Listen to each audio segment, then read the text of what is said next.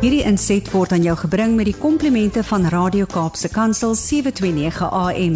Besoek ons gerus by www.cape pulpit.co.za. Gaan ons voortvat vanoggend. Goeiemôre Annelies. Môre aan jou en al die luisteraars uit 'n winderige Pretoria. Ek dink dis die koue daar van die suide al wat op pad is hier na ons toe in die noorde van die land. Ja nee, kyk ek um, ek moet sê ek sit met 'n serp nog steeds vanoggend aan, maar ek nou besluit dis lente al is dit nog so 'n bietjie winter aan hierdie kant. So. Hoorie Annelies. Drama pink serp dan nee. voel jy asof dit lente is. Verseker, verseker. Annelies, ons het verlede week gepraat oor hoe dwelmhandelaars hulle metodes aangepas het tydens die pandemie en toe het jy onder andere genoem dat baie lande baie erg deur die opiate krisis geraak was. En het sy die gebruik van hierdie heroïne of sintetiese opiate, hulle is regtig geraak daardeur. Was daar net in Amerika 'n toename in sulke gebruikers wat as gevolg van 'n oordosis gesterf het of het ander dwelms ook 'n rol gespeel um, in daardie sterftes? Ja, jy weet elke keer as ek dink aan dwelms en die verskriklike uitwerking wat dit het, het op mense en dat dit lei tot sterftes, dan is dit so half dis so onnodig want in die dwelmverslag wat die Verenigde Nasies in 2021 vrygestel is het hulle gesê dat die misbruik van dwelms in die algemeen tot die dood van minstens 'n half miljoen mense gelei het in 2019 500 000 mense wat dwelms misbruik het en as gevolg van een of ander iets het sy hartstilstand te oordosis wat ook al is daai mense dood en dit soveel hartseer veroorsaak. En ja dit is net vir my so onnodig maar in Amerika om terug te kom na die dit wat ons nou oor gepraat het in die verlede word daar geraam dat 'n oordosis sterftes gewo gewoonlik gebruik is uh, of ge die gevolg is van die misbruik van opiate en dan verwys hulle spesifiek na goed soos heroïne maar ook die groot probleem deesdae in Amerika is 'n opiaat soos fentanyl met soveel as 74% wat dit toegeneem het in 2020 in vergelyking met 2019. Nou dis 'n verskriklike ding en dit word hmm. baie keer gebruik as 'n tipe van 'n ding as ouens in operasies gaan of as 'n erge pynstilmiddel. Maar die ouens gaan en hulle misbruik dit en hulle maak 'n konkoksie daarvan wat hulle dan bemark as fentanyl en dan kry die ouens dit in die hande en ek het skiet terug het ek oh. Hallo Annelies Hoor jy my? Ja, Hallo. Ja, daar's jy terug. Dis daai wind kyk dit vir my. Daai erge wind daai kant. Daai erge wind wat jy weet goed as fentanyl word kan die ouens dan self oor hierdie oor sosiale media platforms wat hulle dit dan gaan aankoop. So dit is absolute gif omdat dit dan op 'n manier dan counterfeit medikasie is wat hulle dan as 'n ware produk dan nou bemark. Maar as ons tradisioneel dink aan dwelms, dan dink ons aan goed soos kokaine, heroïne, mandrax, ecstasy en selfs dagga. Maar dis nie die enigste dwelms wat skade aanrig of tot sterftes lei nie baie van die skade word gedoen deur sintetiese dwelms en daai goed is 'n dodelike mengsel van 'n klomp goed wat ouens nie weet wat hulle inkry nie. En dit raak 'n verskriklike groot probleem met dwelmmisbruik reg oor die wêreld. En baie keer word sintetiese dwelms dan ook bemark onder klapdrugs of sogenaamde designer drugs maar daai designer het niks uit te waai met mode soos wat ek en jy dit ken, jy weet dit is nou 'n mhm. Gucci produk of so nie. Dit word gemaak en dit word onder hierdie naam bemark omdat dit in 'n klandestiene laboratorium met ander woorde onwettige laboratorium gemaak word en dit is ontwerp om soortgelyke resultate te hê as dwelms wat as te gevaarlik beskou word om wettig te wees soos kokaine of opium wat dan nou goed is soos morfine of heroïne. So daai ontwerpers dwelm of designer drug of klapdruk of sintetiese dwelm net wat jy dit ook al wil noem is ontwerp om wettige beskerming te vermy maar wetstoepassers raak al hoe slimmer hulle begin agterkom dat dis die nuwe metode wat hierdie ouens gebruik en dis eintlik nie nuut nie dit bestaan al seker 20 30 jaar al. Um en dan begin hulle al hoe meer gesofistikeerde maniere gebruik om dit te te probeer ontwerp en te vervaardig en dan ook te versprei. Hulle ver, jy weet hulle verpak dit as asof dit 'n wettige 'n narkotiese middel is soos fentanyl soos wat ek nou nou gesê het en dit boots uiteindelik die effek van regte dwelm soos kokaine of heroïne na maar dit veroorsaak baie keer nog erger skade as die ware Jakob omdat dit hierdie cocktail of hierdie mengsel is van klomp bestanddele wat die wat die gebruiker nie regtig altyd weet wat hy gebruik nie Um, Annelies, jy het nou verwys na twee van die bekende dwelms wat nageboots word. Kry 'n mens dan verskillende tipes sintetiese dwelms en hoe word dit dan vervaardig? Ja, daar's hoofsaaklik drie verskillende kategorieë van sintetiese dwelms en nou hoop ek nie my tong gaan knoop met al hierdie groot wetenskaplike name nie, so asseblief mense vergewe my. Die eerste is 'n sintetiese cannabinoïde. Die tweede is 'n sintetiese cathinone en of 'n stimulant en die derde een is 'n sintetiese opiaat wat ek nou weet amper half die die Ooh, ja, nou die sintetiese cannabinoïde, dit laat jou dadelik dink aan iets soos cannabis, nê? Nee? Mm. Jy weet en jy hoor nou al baie daarvan. En dit word baie keer ehm um, of bemark altens onder die naam spice en van die ander straatname waarna dit versprei word is K2 of Blaze of Genie, ek weet nie wie dink hierdie name uit nie, mm -hmm. maar dis eintlik nie net een dwelm nie, maar amper, jy weet, is daar jaarliks 'n nuwe konkoksie wat wat die ouens dan nou sê, ons gebruik iets wat soortgelyk is om wat wat half amper iets is daghalf cannabis dan nou um jy weet se se self mimic om die Engels te gebruik daarvoor maar die probleem is soos ek nou nou gesê het Die groot uitdaging is vir gebruikers en ook vir wetstoepassers watter mengsel van chemikalieë word gebruik vir elke tipe ontwerper dwelm omdat die ouens elke keer hierdie resep verander. Jy weet jy as jy sjokoladekoek gaan bak het jy X Y Z nodig. Maar as jy elke keer hierdie sintetiese dwelms gaan bestel, bestaan dit nie uit dieselfde um hoeveelheid bestanddele nie omdat die ouens meer geld wil maak so hulle gebruik 'n klomp ander chemikalieë wat goedkoper is en dit maak dit so uiters uiters gevaarlik. Maar die gebruikers glo dat die sintetiese cannabinoïde wettig is en relatief veilig is om te gebruik en dit word tipies gebruik deur chemiese middele oor gedroogde plantmateriaal te sprei soos byvoorbeeld kruie waar daar net ge, na dit gerook of ingeneem het en dis hoekom party ouens ook dit beskryf as sogenaamde fake weed of fake dagga of fake cannabis. So vervalste dagga as 'n alternatief vir cannabis of dan marijuana. Partykeer word dit ook in 'n vloeibare vorm um, beskikbaar gestel wat die ouens dan of in 'n tee gooi of in hulle kos gooi of party ouens rook dit soos wat baie ouens sê daar 'n e-sigaret of dan nou 'n vape rook. Maar onthou, hierdie goed kan net so verslawend wees as die oor, oorspronklike ware Jakob en dit kan ook lei tot onttrekkingssimptome soos erge hoofpynne, angs, depressie en irritasie maar die gevolge is waar die groot ding inkom wat jy weet baie keer is hierdie ouens hulle sê ag man ek rook dagga om te ontsnap van die werklikheid. En hierdie goed kan ook vir jou ontsnap van die werklikheid as dit nou is wat jy wil doen maar dit kan uiteindelik lei tot psigose tot halusinasies en selfs tot paranoia So Annelies, maar as ek reg onthou, is die tweede tipe of kategorie van sintetiese dwelms die groep wat stimulante naboots. Is dit in hierdie kategorie waar dwelms soos byvoorbeeld tik ook sal inpas? Ja, ek dink as jy sê tik dan al die Kaapenaars se oor onmiddellik gespits want dit is mos nou 'n groot groot probleem daar hmm. veral in die Kaap hoewel dit in in ander dele van die land ook 'n probleem is. En ja, jy's 100% reg. Hierdie kategorie van dwelms boots die effek van die cat plant na wat hoofsaaklik in Oos-Afrika en in die suidelike Arabiese lande gegroei word. En as die ouens wonder hoe lyk dit? Dit lyk amper soos 'n groot iets tussen 'n olifant oor um en 'n groot vark oor. Dis hoe daai cat plant lyk. En baie keer as mense hierdie program op televisie kyk waar hulle hierdie dagafondse maak op die lughawe, sal jy sommer sien 'n ou het met 'n groot tas vol van hierdie plante het hulle gereis. En dan dink hulle ag nee man dis 'n klomp plante. Die polisie gaan ons nooit uitvang nie. Maar aan die einde van die dag is dit ook 'n dwelm.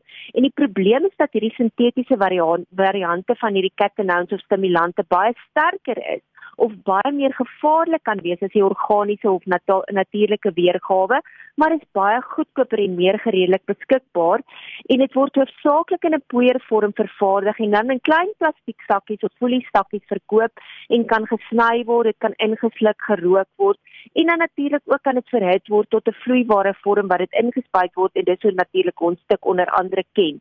Maar van die mees algemene sintetiese catechins of stimulante is badsoutte. Ja, hulle naam word bemark as badsoute. Dit is 10 keer sterker as kokaine en bevat die dwelmmiddel of die die chemikalie MD PF en ek gaan nie probeer uitspreek wat dit is nie. Dit boot 'n psigoaktiewe uh, effek na van LSD en kokaine en die tipiese simptome van die misbruik hiervan is hartprobleme, angs, hallusinasies, spierkryme, spyne, um, geïrriteerdheid, erge paranoia en dan selfs aggressie.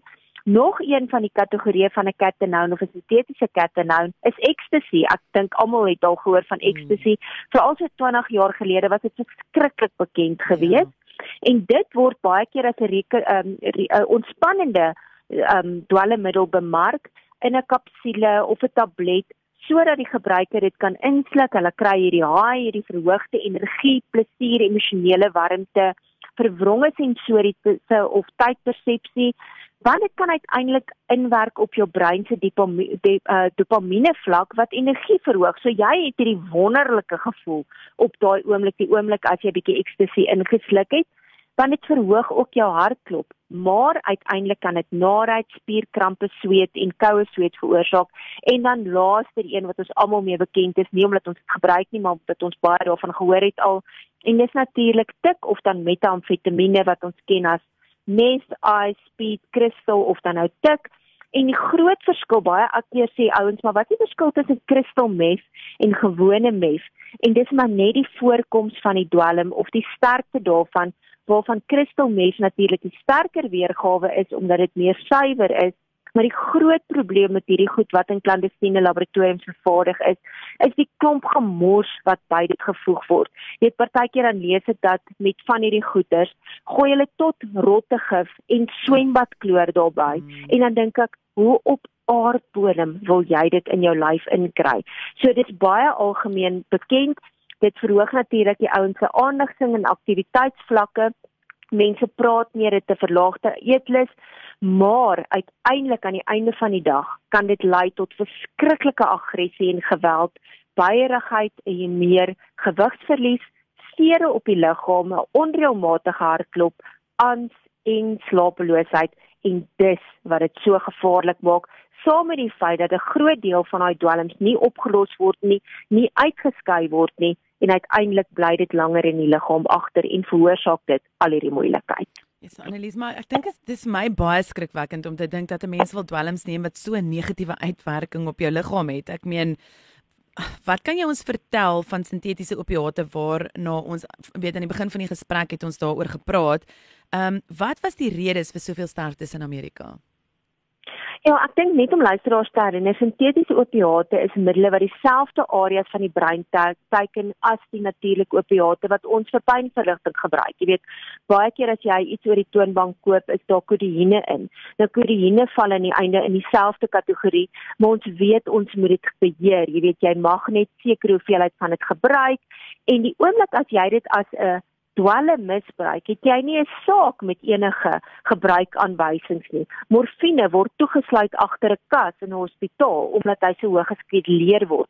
En die, die oomblik wanneer dit inkom en mense gebruik dit elke uur, elke 2 ure, kan jy dink hoekom dit so groot invloed het. En daar word gereken dat soveel as 62 miljoen mense gereeld opiate gebruik, wettige en onwettige middele, maar nie vir mediese redes nie. So nie om jou hoofpyn stil te maak of jou pyn nadat jy operasie gepraat het nie, maar net eenvoudig as gevolg van daai high wat dit vir jou gee. En in dieselfde jaar van 2019 was daar meer as 36000 sterftes as gevolg van hierdie sintetiese opiate wat gebruik is en veral weer eens as ons dink in Amerika aan iets soos fentanyl, 'n kragtige sintetiese opiaat wat soveel as 100 keer sterker as morfine en 50 keer sterker as heroïne is. So kan jy dink hoekom dit mense se dood veroorsaak het. Mense weet nie hoeveel gebruik hulle daarvan nie. Nou sê die goed nog dalk vervals ook. So ek wil amper sê vir my en jou wat logies hieroor kan dink, is dit logies dat dit tot iemand se sterftes kan lei. En dan meng hierdie ouens ook nog baie keer heroïne met fentanyl om hulle dwelm, ag om hulle winsgrens te verhoog. Nou van die effek van sintetiese opiate soortgelyk as dit van morfine, so dit gaan ou laat ontspan, dit gaan sy pyn verlig maar dit kan uiteindelik ook lei tot asemhalingsprobleme, tot bewusteloosheid en hartlywigheid en 'n oordosis van hierdie goed kan lei tot sweet, stype, 'n koma, uiteindelik tot 'n hartstilstand en natuurlik dan nou dood. Maar ten spyte hiervan, hierdie hoeveelheid sintetiese opiate waarop daar in die afgelope 20 jaar deur wetstoepassers beslag gelê is, 300 keer toegeneem. So dit sê net vir jou hoe groot probleem dit reg oor die wêreld is. Hmm. En so maklik soos dit is om blykbaar hierdie goeders in die hande te kry omdat in klandestiene laboratoriums reg oor die wêreld vervaardig word en baie keer in ons agterstrate, baie keer dan hoor jy van, "Joe, daar's 'n klandestiene laboratorium in jou woonbuurt," het die polisie gekry, dan dink jy, "Hoe is dit moontlik? Jy weet, hoe kan hierdie goed so om ons gemaak word?" Maar dis hoe maklik dit vir die ouens is. En die rede is hierdie goed is dodelik. Dit dit dit bevat 'n mengsel van chemikalieë waarvan niemand presies weet wat die bestanddele is nie. En dis hoekom die ouens dit beskryf as 'n deadly cocktail. Want regtig, jy weet nie wat dit in is nie. Jy weet nie wat se um jy weet veilige metodes het hierdie ouens gebruik om dit te vervaardig nie. As ons na die foto's kyk, is dit altyd hierdie ek wil amper sê dit gee vir hierdie idee van dis 'n agterstraatse gebraksel wat vervaardig word en gekook word, 'n hekse brousel. So asseblief mense, bly weg van dwelms af. Al sê dit vir jou jy gaan hierdie wonderlike gevoel hê. Jy weet nie wat in daai middels is nie of dit nou 'n dagga is of dit nou 'n uh, marijuana is en of dit nou 'n uh, heroïne is en of dit aan die einde van die dag 'n ecstasy of 'n mandrax tablet is, dis gif. Maak nie saak wie wat vir jou sê nie. So bly weg. Waarskynlik jou kinders, waarskynlik mense om jou, want aan die einde van die dag kan dit langtermyngesondheidsgevare hê en kan dit lei tot iemand se dood. Ja, verseker Annelies, hulle sê weet ons jou liggaam is is die een ding wat jy net gaan saamvat vir die res van jou lewe, weet totdat jy die dag ehm um, aarde tyd met genade tyd verruil en ons is mm. so oningelig met die goed wat ons in ons liggame insit en dis een van daai goeders. Jy weet nie wat daarin is nie. Annelies, wat se hulplyn nommers is daar daar buite as enigiemand weet van iemand of as jy self daarin is en jy jy wil hulp kry, wie kan hulle kontak? Ja, ek dink dit is sommer 'n nommer wat ons op ons foon moet stoor onder AA dwelms. Ek praat so baie keer van stoor jou jou belangrike nommers want jy kan nie onthou waarop jy het nie. Dit's AA ambulans ensovoorts. So AA dwelms 0800 121314 of die S nommer 32312 dan staan ook 'n narcotics anonymous 0861 006962 006962 en 'n alcoholics anonymous 0800 0861 43 5722. So ek gee net gou weer daai nommers 0800 12 13 14 SMS 32312 Narcotics Anonymous 0861 006962 Alcoholics Anonymous 0861 435722 Vra hul Annelies is hier nog daar. terwyl Annelies die wind verwaai lyk like my aan daai kant. Ehm um, weet dit is vir my belangrik net om weet dit weet Harold, ehm um, jy hoef nie weet jy hoef glad nie um enigstens weet stil te staan en te wonder wat ek kan doen. Hier is wonderlike middels wat jy kan kry vir dit. En dan baie belangrik, jy kan vir Annelies ook kontak. Sy is die redakteur van die Servamus gemeenskapsgebaseerde veiligheids- en sekuriteitstydskrif en hulle werk is om seker te maak dat um ons weet op datum bly met hierdie goeders en en die en die die moeite wat hulle doen om al hierdie dinge vir ons uit te vind is net fantasties. En ek dink ek het vir Annelies verloor aan daai kant. Maar ek gaan nou gou-gou vir julle net um herhaal. Julle kan vir Annelies by annelies@servamus.co.za kry. Servamus is S E R V A M U S. Gemeenskapsgebaseerde veiligheids- en sekuriteitskoerant. Julle kan gaan inteken ook op hulle webtuiste en dan het hulle ook op Facebook en Instagram het hulle dan ook bladsye waarop jy kan gaan volg. Annelies, vreeslik baie dankie. Ek dink jy nou heeltemal verloor aan daai kant, maar ek hoop julle het 'n lekker dag verder en ek hoop jy het lekker geluister. Hierdie inset was aan jou gebring met die komplimente van Radio Kaapse Kansel 729 AM. Besoek ons gerus by www.cape pulpit.co.za.